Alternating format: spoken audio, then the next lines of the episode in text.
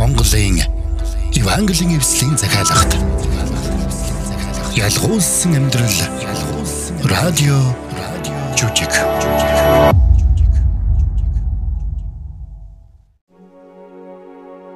Ялгуулсан амьдрал.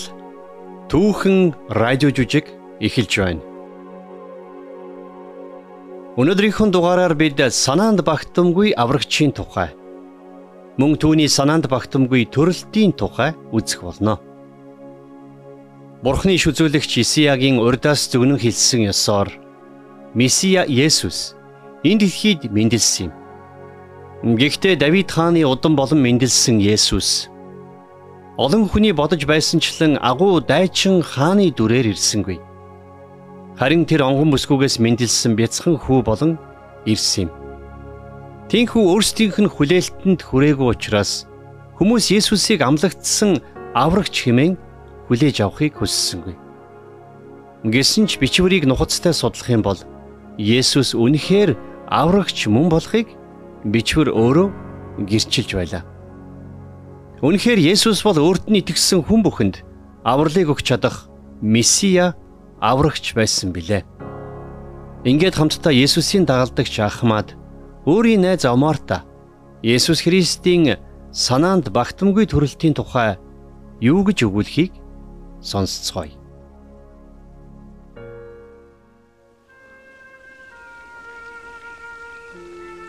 Омар найзынхаа эргэлзээг би маш сайн ойлгож байсан юм. Яагаад гэвэл би өөрөө ч амьдралынхаа ихэнх хугацааг Есүсийн тухай үнэнд эргэлзэж өнгөрүүлсэн. Би Есүст итгэдэг хүмүүсийг хоёр нүртнүүд Есүсийг дагдаг хүмүүсийг хурм мэхлэгчд гэж боддог байлаа. Гэвч би өөрөө Бурхны үг болох Библийг уншиж судалж эхэлснээр би үннийг ойлгож эхэлсэн. Есүс үнэхээр Бурхны хүн мөн гэдэгт түүнд итгэгчид бүгд мөн хамийн амлалтыг хүлээн авсан гэдэгт итгэх болсон билээ. Гэхдээ Ахмад Есүс чинь Бидний өвөг дээдсийн айланд нь ч хүрэхгүй жирийн хүн шүү дээ. Авраам, Мосе, Давидыг бодоод үзэл дээ. Омар минь дээ. Тэгвэл хоёулаа тэр агуу хүмүүсийг хамтдаа харцгаая. Библиэлд ингэж бичигдсэн байна. Матай 1:1-д Авраамийн удам, Давидын удам, Есүс Христийн угийн бичиг гэж бичсэн байна шүү дээ. Цааш нь харах юм бол Матай 1:17-д Ийхүү Авраамаас Давид хүртэл 14 үе. Давидаас Вавилонд цөлөгдөх хүртэл 14 үе. Вавилонд цөлөгдснөөс Христ хүртэл 14 үе байв гэсэн байгаа биз. Тэгвэл Есүсийг чи бидний өвөг дээдэс болох Авраам болон Давидын үр удам гэж хэлэх гээд байна уу? Эд. Би наадхыг чинь л хэлэх гээд байгаа юм. Амар Есүс бол Авраамд, Мойсед, Давидэд Бурхны амласан байсан тэр аврагч мөн. Энд байна. Чи Исая номд эш үзүүлэлийг өөрөө уншаад үз. Учир нь бидний төлөө хөвгүүн төрж бидэнд хөө өгөгдсөн аж. Засаглал түүний мөрөн дээр байж түүний нэрийг гайхамшигт зөвлөгч хүчит бурхан мөнхийн эцэг энхийн жонон гэж дуудана. Давидын сэнтээ дээр түүний хаанчлал дээгүр засаглал хийгээд амар тайван нь тэлэх үед эцэс үгүй. Шудраг ёс үнэн зөвөөр үүнийг өдгөөгөөс өнө мөнхөд тогтоон тулна. Төг түмдийн эзний зүтгэл үүнийг гүйцэлдүүлэх болно. Хм. Саяын уншсан зүйлээ ойлгож байна уу амаар? Есүсийг мэдлэхээс бүхэл бүтэн 700 жилийн өмнө Исая иш үзүүлсэн байх шүү дээ. Бидэнд хүү өгөгдсөн. Тэр Давидын сэнтигээс мөнхөд захирах болно гэж хэлсэн байна. Есүс Христ энэ дэлхийд мэдлэхдээ бидний өвөг дээдэд өгөгдсөн энэ амлалтыг биелүүлэхийн тулд ирсэн юм шүү дээ. Амаара айжмаар үннийг ойлгож эхэлж байлаа. Яг л над шиг. Бид хамтдаа Бурхны үг болох Библиэс Есүсийн тухай үргэлжлүүлэн уншсан. Ингэхдээ мэдээж түүнийг хэрхэн мэндэлсэн тухай уншсан юм. Би Омарт Тэнгэр элч Габриэл Давидын удмын онгон охин Майрд хэрхэн үзэгдсэн тухай болон Йосефтэй гэрлэх гэж байсан Майр уг үйл явдлыг хэрхэн хүлээж авсан тухай ярьж өгсөн юм. Эвэгдэгч баярал. Эзэн чамтай хамт байна. Чинь хэн бэ? Танд юу хэрэгтэй юм бэ? Мара. Бүү. Чи бурхны тааллыг олжээ. Үзэгтэн. Чи хевлийдээ үртэй болж хүү төрүүлнэ. Түүнийг чи Есүс гэж нэрлэх болно. Тэр хүү агуу нэгэн болох ба хамгийн дээдийн хүү гэж дуудагдана. Эзэн бурхан түүнд өвөг Давидынх нь хаан ширээг өгөх болно. Тэр Яаковын гэрээг үрд хаанчлах бөгөөд хаанчлалд нь төгсгөл гэж үгүй. Би онгон атал энэ нь яаж бүтгэх вүлээ? Ариун сүнс чам дээр ирж хамгийн дээдийн хүч чамааг бүрхэнэ. Тиймээс төрөх хүн ариун нэгэн байх бөгөөд бурхны хүү гэж дуудагдах болно. Үзэгтэн чиний садан Элизабет хүүсрэг игдэж байсан тэр эмэгтэй мөн өтөл насандаа хүүхэд болоод одоо 6 сартай. Бурханд боломжгүй юм гэж нэгч байхгүй. Эзний шивгчнийг харагтун. Хэлсэн үгсийн тань дагуу надад биелэх болтугай. Тэнгэр элч Габриэл Майрын тэг хүүхдийг хэн гэж хэлснийг чи анзаарсан уу? Хүүн ариун нэгэн байх бөгөөд бурхны хүү гэж дуудагдах болно гэснийг үү? Яг тийм. Бас эзэн бурхан түүнд өвөг Давидынх нь хаан ширээг өгөх болно. Тэр Яаковын гэрийг үрд хаанчлах бөгөөд хаанчлалд нь төгсгөл гэж үгүй гэж хэлсэн байгаа биз? Мм, хаанчлалд нь төгсгөл үгүй. Иш үзүүлэгч Исаягийн бичсэн байсан үг биш үү? Тэгвэл нэрээ Йосеф яасан бол Мари хөл хүндтэй болсныг мэдээд хагардлаа ууралсан байх та. Боддог л бодол. Амар. Магадгүй Йосеф Мард маш хатуу хандаж болох л байсан байх. Гэхдээ Йосеф өөртөө зөвд хүн байсан болохоор энэ тухай мэдээд Мараас чимээгүйхэн салахаар шийдсэн байсан. Яагад гэвэл тухайн үед тавьсан сүйгээ цуцлана гэдэг нь салалтай адилхан тооцогддог байсан. Гэхдээ түүнийг ийм зүйл хийхээс өмнө Тэнгэр элч түүнд үзэгдсэн байдаг. Давидын хүү Йосеф Марийг эхнэрээ болгохоос бүү эмээгтэн. Учир нь түүнд олдоод байгаа нь ариун сүнсний юм. Тэрээр нэгэн хүү төрүүлж тэр нь ард түмнээ нүглээс нь аврах тул чи түүний нэрийг Есүс хэмээн дуу. Есүсийг энэ дэлхийд ирэх болсон шалтгааныг Тэнгэрлж юу гэж тайлбарсныг чи анзаарсан уу? Есүс өөрийн ард түмнийг нүглээс аварна гэж үү? Яг тэр чи шүү дээ. Чи эндээс Исая 7-гийн 14-ийг хардаа. Тиймээс эзэн өөрөө чамд нэгэн тэмдэг өгнө. Үзэгтэн. Нэгэн онгон бүсгүй хөл хүндтэй болж хүү төрүүлж түүнийг Эммануэль гэж нэрлэнэ гэсэн байгаа биз? Энэ юу гэсэн үг болохыг чи ойлгож байна уу амаа? Хм. Исая тэр хүү онгон бүсгүйгээс мэдлэн. Тэгээд тэр хүүг бидэнтэй хамт байгаа бурхан буюу Эммануэль гэж нэрлэнэ гэсэн байна шүү дээ. Амар анха Есүсийг хуурм мэхлэгч гэж боддог байсан бол аажмаар түүний дотор Есүсийг үнэхээр амлагдсан Месая байж болох юм гэсэн бодол төрж эхэлсэн нь энэ байлаа.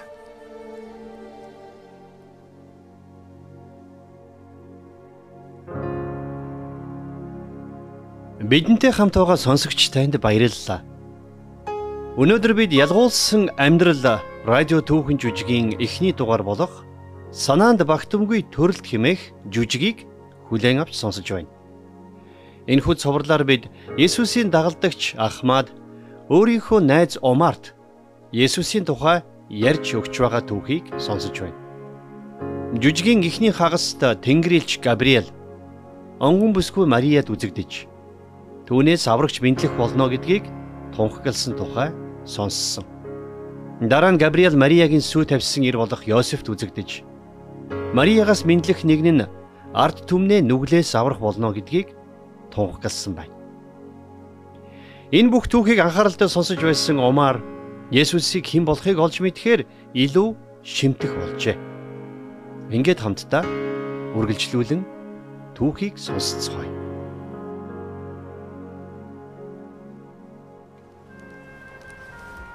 Тэгвэл иш үзүүлэгч Исая Есүсийг мэдлэх болно гэдгийг урдаас хэлсэн байж дээ. Аа, зөвхөн Исаяач биш. Өөр олон иш үзүүлэгчид Есүс Христийг мэдлэхээс хэдэн зуун жилийн өмнө түүнийг хэрхэн мэдлэх тухай урдаас хэлсэн байдгийг. Гайхалтай нь тэр бүх иш үзүүлэлгүүд нь бүгд 100% биелсэн байдаг. Жишээ нь Майр Ясеф хоёр Назарт амьдардаг атлаа хүн амын тоолгод оролцохоор Давидын хот гэгддэг Бэтлехемд очиж таарсан ч гэсэн яш үзүүлэлгийн дагуу байсан. Яш үзүүлэгч Мика Месая аврагчийг Бэтлехемд мэдлэх болно гэж яш үзүүлсэн байдгийг. Мм. Тийм юм би. Би Есүсийн мэндэлсэн түүхтэй холбоотой нэг сони юм хэлж өгье. Аа. Есүсийг мэдлэх үед хаад ноёд ихс дээдэс эрх мэдлэлтэнгүүд огт баяр хөөр болоогүй. Гэтэл Бурхны Тэнгэр элч нар Есүсийг мэндэлсэн тухай мэдээг эгэл жирийн хончдод мэдгдсэн байгаа юм. Тэгээд сүр жавхланд Тэнгэр элч нарыг хараад айж сандарсан хончдод хандаад "Хүү айхтун, харагтун. Би бүх ард түмнийг үлэмж баярлуулах сайхан мэдээг та нарт авчирлаа. Өнөөдөр Давидын хотод аврагч эзэн Христ та нарын төлөө мэндэллээ. Та нар тэжээлийн онгоцон тугаа даамун төлгийдсэн нялх хүүхдийг олж харна. Энэ нь та нарт тэмдэг болно гэж хэлсэн байна. Эндээс харахаар аврагч Месаяг хүндлэн дээдлэхээр очисон хамгийн ихний хүмүүс нь эгэл жирийн хончид байсан байгаа юм. Гү тэгвэл Бурхны хүүг мэндэлсний дараа түүнийг малын тэжээлийн онгоцонд тавьж өгсөн хэрэггүй. Харин тий Тэр хотод хоноглох байр байгаагүй учраас Майр Йосеф хоёрт малын сарвчнаас өөр хоног төөрүүлэх газар байгаагүй. Гэхдээ яг тэр шөндөө бол хүн хөл ихтэй бужигнсан дэм бодлаас малын сарвч нь илүү амар тайван газар байсан байж болох юм. Би юу бодож байгаагаа хэлэх үү? За. Миний бодлоор Есүс ийм эгэл даруугаар мэндэлсэн нь нэг чухал санааг илэрхийлээд байх шиг байгаа юм. Аа. Тэр нь тэгээд ямар санаа байх вэ? Есүс энэ дэлхийд ирэхдээ ямар нэгэн тодорхой бүлэг хүмүүсийн төлөө ирээгүй. Тэр баян, ядуу, хүчтэй, хүчгүй, хүндлэгдсэн, гадуурхагдсан ялгаагүй. Бүх хүний төлөө ирсэн. Есүс энэ дэлхий дээр хүмүүн болон мэндэлсэн нь өөрт нь итгэсэн хэн бүхэнд итгэл найдвар мөнхийн амийг өгхийн тулд байсан сонирхолтой юм. Маш сонирхолтой юм. Энэ талаар жаахан бодож үзэх хэрэгтэй юм байна да. Тэгэлгүй яах вэ? Маа. Энэ Библийг аваад өөрөө уншаад үз. Хоёулаа Библийн ердөө багахан хэсгийг л уншсан шүү дээ. Тэгэхээр чи өөрөө уншаад судлаад үз. Тэгвэл өөр олон чухал үннийг олж мэднэ гэж бодож байна. Тэгээд Есүсийн хэлсэнчлэн үнэн чамайг чөлөөлнө гэдэгт би итгэж байна.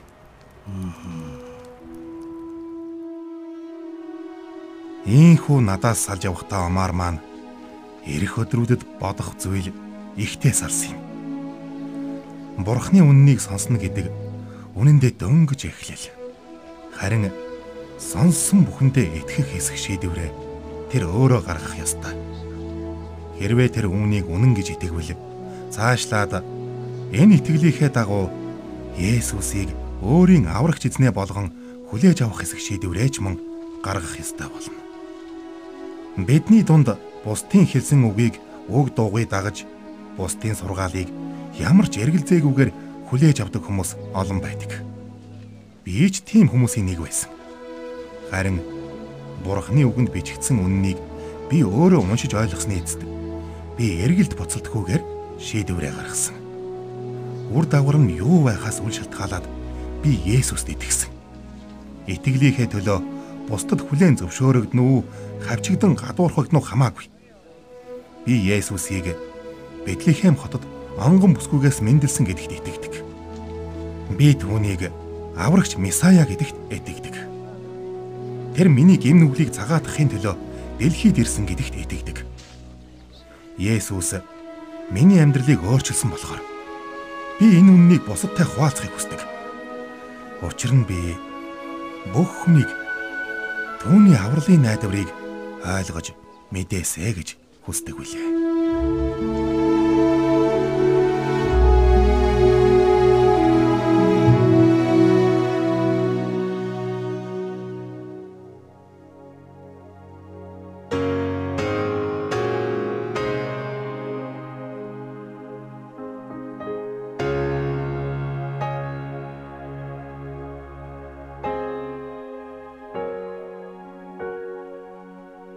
Бидний дэлхийн ертөнц олон зуун жилийн туршид ата хорсол, үзэн ядалт, хүчирхийлэлгээд тоолж барамгүй их ёрын мууг үзсэн.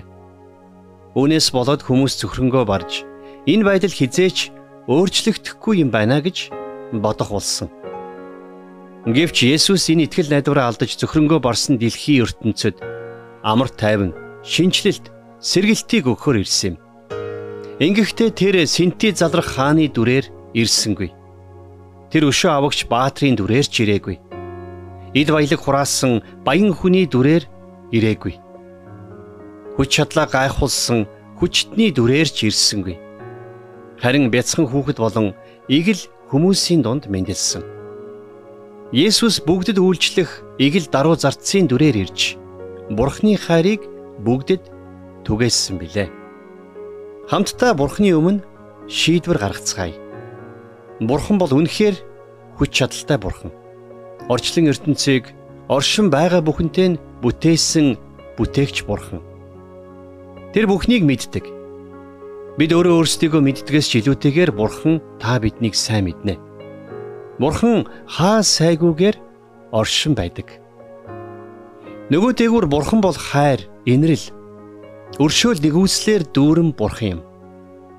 Бурхан бол хайр юм. Тэр бидэнд өөрийн хайр инэрлийг маш олон арга замаар харуулдаг.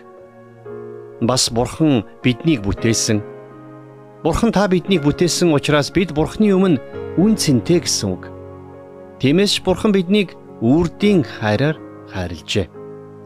Харамсалтай нь Бурханы үгэн дээр хэлэхдээ хүн бүхэн гим нүгэлтэй гэж тодорхой бичсэн байна. Ромын 3-ын 23 дээр бүгд нүгэл үйлдсэн тул Бурханы алдар сууд хүрдэггүй гэж бичигдсэн байдаг. Бурхан өөрөө зөвхт ариун учраас бидний гим нүгэл биднийг Бурханаас тусгаарлаж байдаг юм. Гим нүгэл гэдэг биднийг Бурханаас салгаж тусгаарлаж байдаг зүйл. Гэхдээ хэдийгээр бид гим нүгэлтнүүд боловч Бурхан биднийг хайрласаар байдаг. Бурханы хайраас биднийг юу ч салгаж чадахгүй. Бурхан бол уучлал, инэрлийн Бурхан. Бурхан гим нүгэлтэй биднийг Бурханы уучлалыг хүлээн авах боломжийг нээж өгсөн. Бурхантай харилцаагаа сэргээх тэрл үүд хаалгыг тэр өөрөө нээж өгсөн юм шүү. Би энэ цагт Бурханы өмнө чин зүрх сэтгэлээсээ нэгэн залбирлыг хийх гэж байна. Та миний залбирхийг сонсоод дараа надтай хамт тэрхүү залбирлаар залбираарай. Бурхан минь ээ. Та намайг агуу хайраараа хайрлсанд баярлалаа. Би гим нүгэлтэй гэдгээ мэднэ. Та миний гим нүглийг уучлах тэр замыг надад өгсөн учраас би танд талархаж байна. Би тэр замыг улам илүү таньж мэдхийг хүсэж байна. Амен. За одоо энэхүү залбирлыг та миний араас давтаад хэлээрэй. Ингэж хэлэхдээ та өөрийнхөө чин зүрхнээс Бурханд хандан залбираарай. Бурхан минь ээ. Та бол бүхнээс хүч чадалтай агуу бурхан. Та бас хайр инрэл өршөөл нэгүслийн бурхан учраас би танд талархаж байна. Би таныг таньж мэдэж таныг хайрлая. Есүсийн нэрээр залбирлаа. Амен. Дараагийн дугаард бид Есүс Христийн санаанд багтамгүй гайхамшигтай амьдралын талаар үзэх болно. Мөн Бурхан бидэнд гим нүглээ уучлуулах боломжийг хэрхэн өгсөн тухай үзэх болно.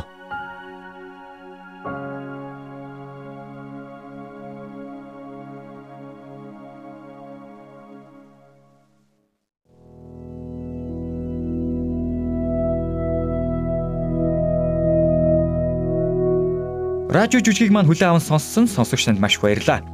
Ингээд драмтай холбоотой асуулт хариултын цаг эхэлж байна. Бурхан надад хайртай гэж юу? Би энд нэг л итгэж чадахгүй байна л та. Хэрвээ Бурхан надад үнэхээр хайртай юм бол би үүнийг яаж мэдх юм бэ? Аа. Тийм ээ. Бурхан танд хайртай. Бурханы үгэнд хэлэхдээ Бурхан ертөнцийг үнэхээр хайрласанд цорын ганц хүүгээ өгсөн тул хүүд итгэдэг бүх мөхөхгүй. Харин мөн хамтай байх болно гэсэн байдаг. Бурхан энэ дэлхий дээрх хүн бүрийг яг л адилхан хайрладаг. Үүнд та бид хоёрч багтана. Бурхан та биднийг маш олон арга замаар гайхамшигтайгаар ивэж ирүүлсэн. Та одоо хэдэн настай вэ? Би одоо 35 тай. Аа. Таны амьдарсан он жил бүхэн таныг хайрладаг Бурханы хайрыг илтгэдэг юм шүү дээ. Та дөнгөж сая амьсгалсан амьсгалаа анзаарсан уу? Бид амьсгалж байгаа агаараач нэг анзаардаг шүү дээ. Гэтэл бидний амьсгалж байгаа агаар хүртэл бурхнаас бидэнд өгсөн бэлэг биднийг хайрлсан түүний хайрын илрэл болдог юм. Хайр бол бурхны мөн чанар юм аа. Бурхны үгэнд хэлэхдээ бурхан бол хайр. Бурхан цорын ганц хүүгээ ертөнцид илгээсэн нь түүгээр дамжуулан биднийг амьд байлгахын тулд юм аа. Үүгээр бурхны хайр бидэнд илчлэгдсэн юм. Бид бурхныг хайрлсан бос харин тэр биднийг хайрлаж бидний нүглийн улмаас хүүгээ эвлэрүүлэл болгон илгээсэнд л хайр байгаа юм гэсэн байдаг. Бурхан танд үнэхээр хайртай шүү. Хэрвээ бурхан надад үнэхээр хайртай юм бол яагаад миний амьдрал ийм хэцүү зүйлс тохиолдод байдаг юм болов? Таны амьдралд яагаад хүнд хэцүү асуудал толгорсныг би мэдэхгүй л дээ. Гэхдээ бурхан танд хайртай гэдгийг би маш сайн мэдэж байна. Өнгөрсөн цаг үед амьдарч байсан маш олон бурханлаг хүмүүсийн амьдралд хүнд хэцүү асуудал тулгарч байсан үе олонтаа тохиолдож байсан. Гэсэн ч тэд бурханд итгэх итгэлээ ерөөдөөс орхиог. Иш үзүүлэгч Даниэл гэхэд баг залуу насндаа эх орноосоо боол болоод цөлөгдөж байсан.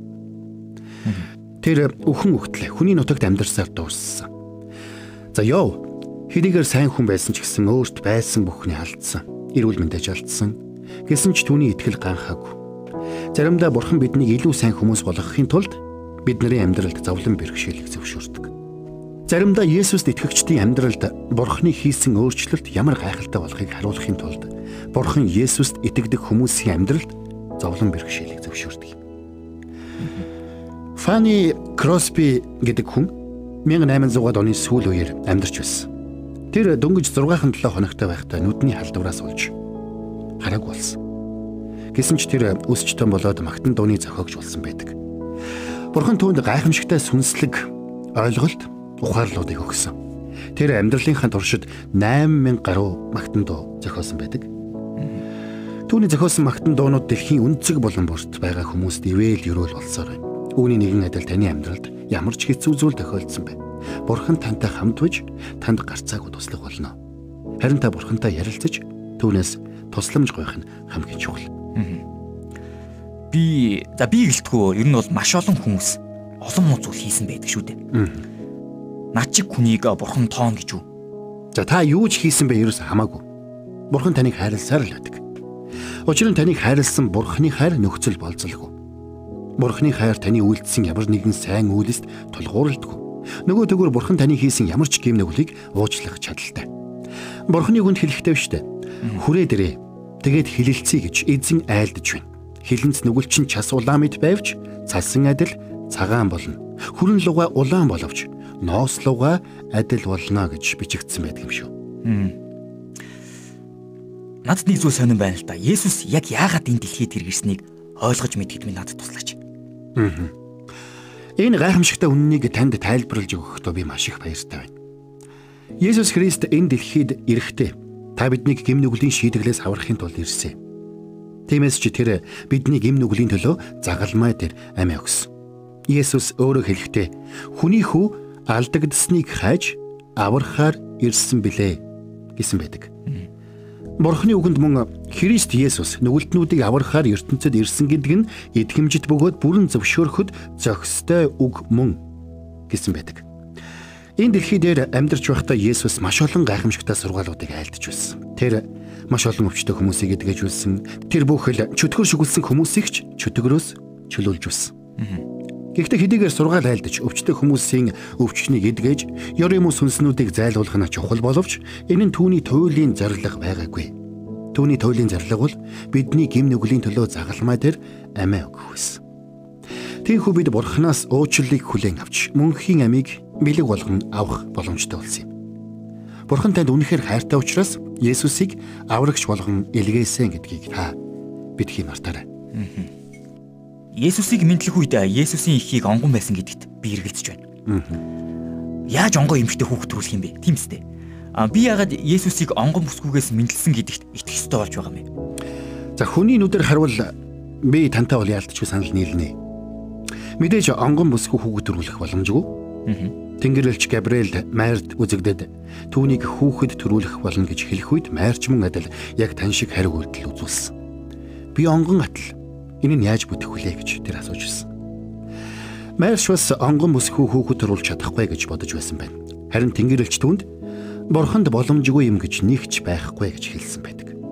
Есүст мах бодын талаас хүмүүн эцэг байхгүй. Тэр онгон бүсгүйгээс мэндэлсэн. Түүний хойд эцэг нь Йосеф байсан. Тэр ч утгаараа Есүс бол Бурханы хүү юм. Ингээд Тэнгэр элч нар яг бодтой байдаг гэж үү? Тийм ээ. Тэнгэр элч нар бол үнэхээр бодтой байдаг. Бурхан үе түмэн тэнгэр элч нарыг бүтээсэн. Тэдгээр тэнгэр элч нар бурханд янз бүрийн арга замаар үйлчилж байдаг. Жишээ нь бурхан Майр Йосеф хоёртой уулзуулахаар Габриэлийг илгээсэн. Есүсийг мэндэлсэн тухай мэдээг Юудагийн хонжтод дуулгахын тулд бурхан үе болон тэнгэр элч нараа илгээж өссөн. Тэгэхээр тэнгэр элч нар бол үнэхээр байдаг. Майр яагаад тэнгэр элчийн үгийг тийм амархан хүлээн зөвшөөрсөн юм болоо? Би лав оронд нь байсан бол маш их айх байсан. Аа. Тэнгэр элч анх өөрт нь үзэгдэхэд Майр маш их хайсныг харцаагүй. Тиймээс ч Библиэд Майр энэ үгэнд ихэд цочиж энэ нь юу мэдчилгээ байж болох талаар эргцөөлөв гэж бичсэн байдаг.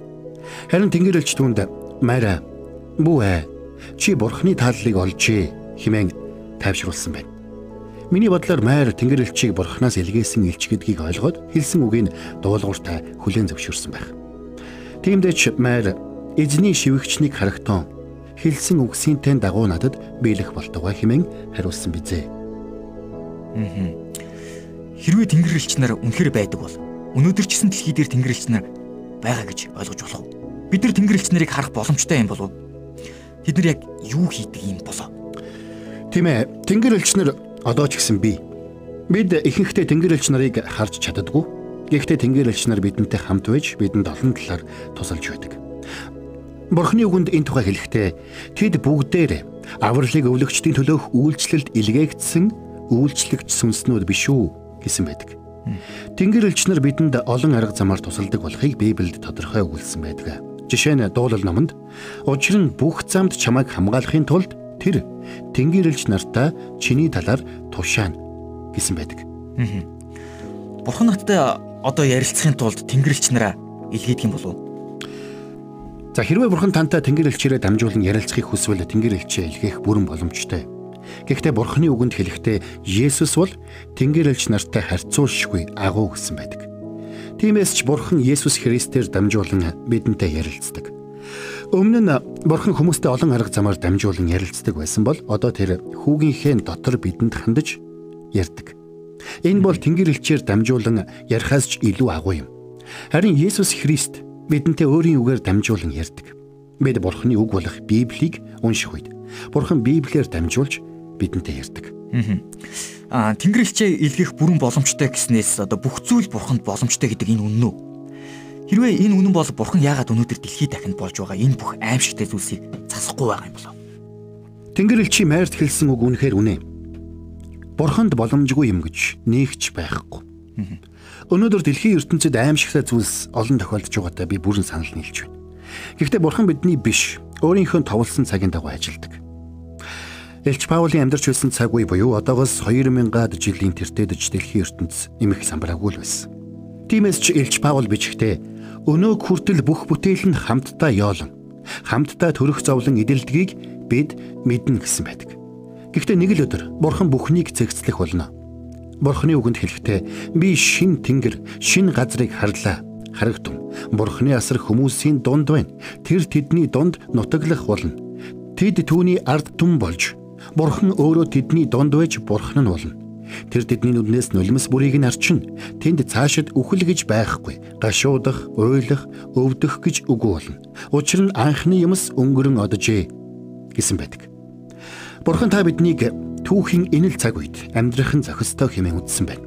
Тиймээс бид түүний төлөө чадах чинээгээрээ хичээж эргэн тойронд байгаа нийгмээ илүү сайн болгохын тулд чадах бүхнийг хийж амьдрах учиртай.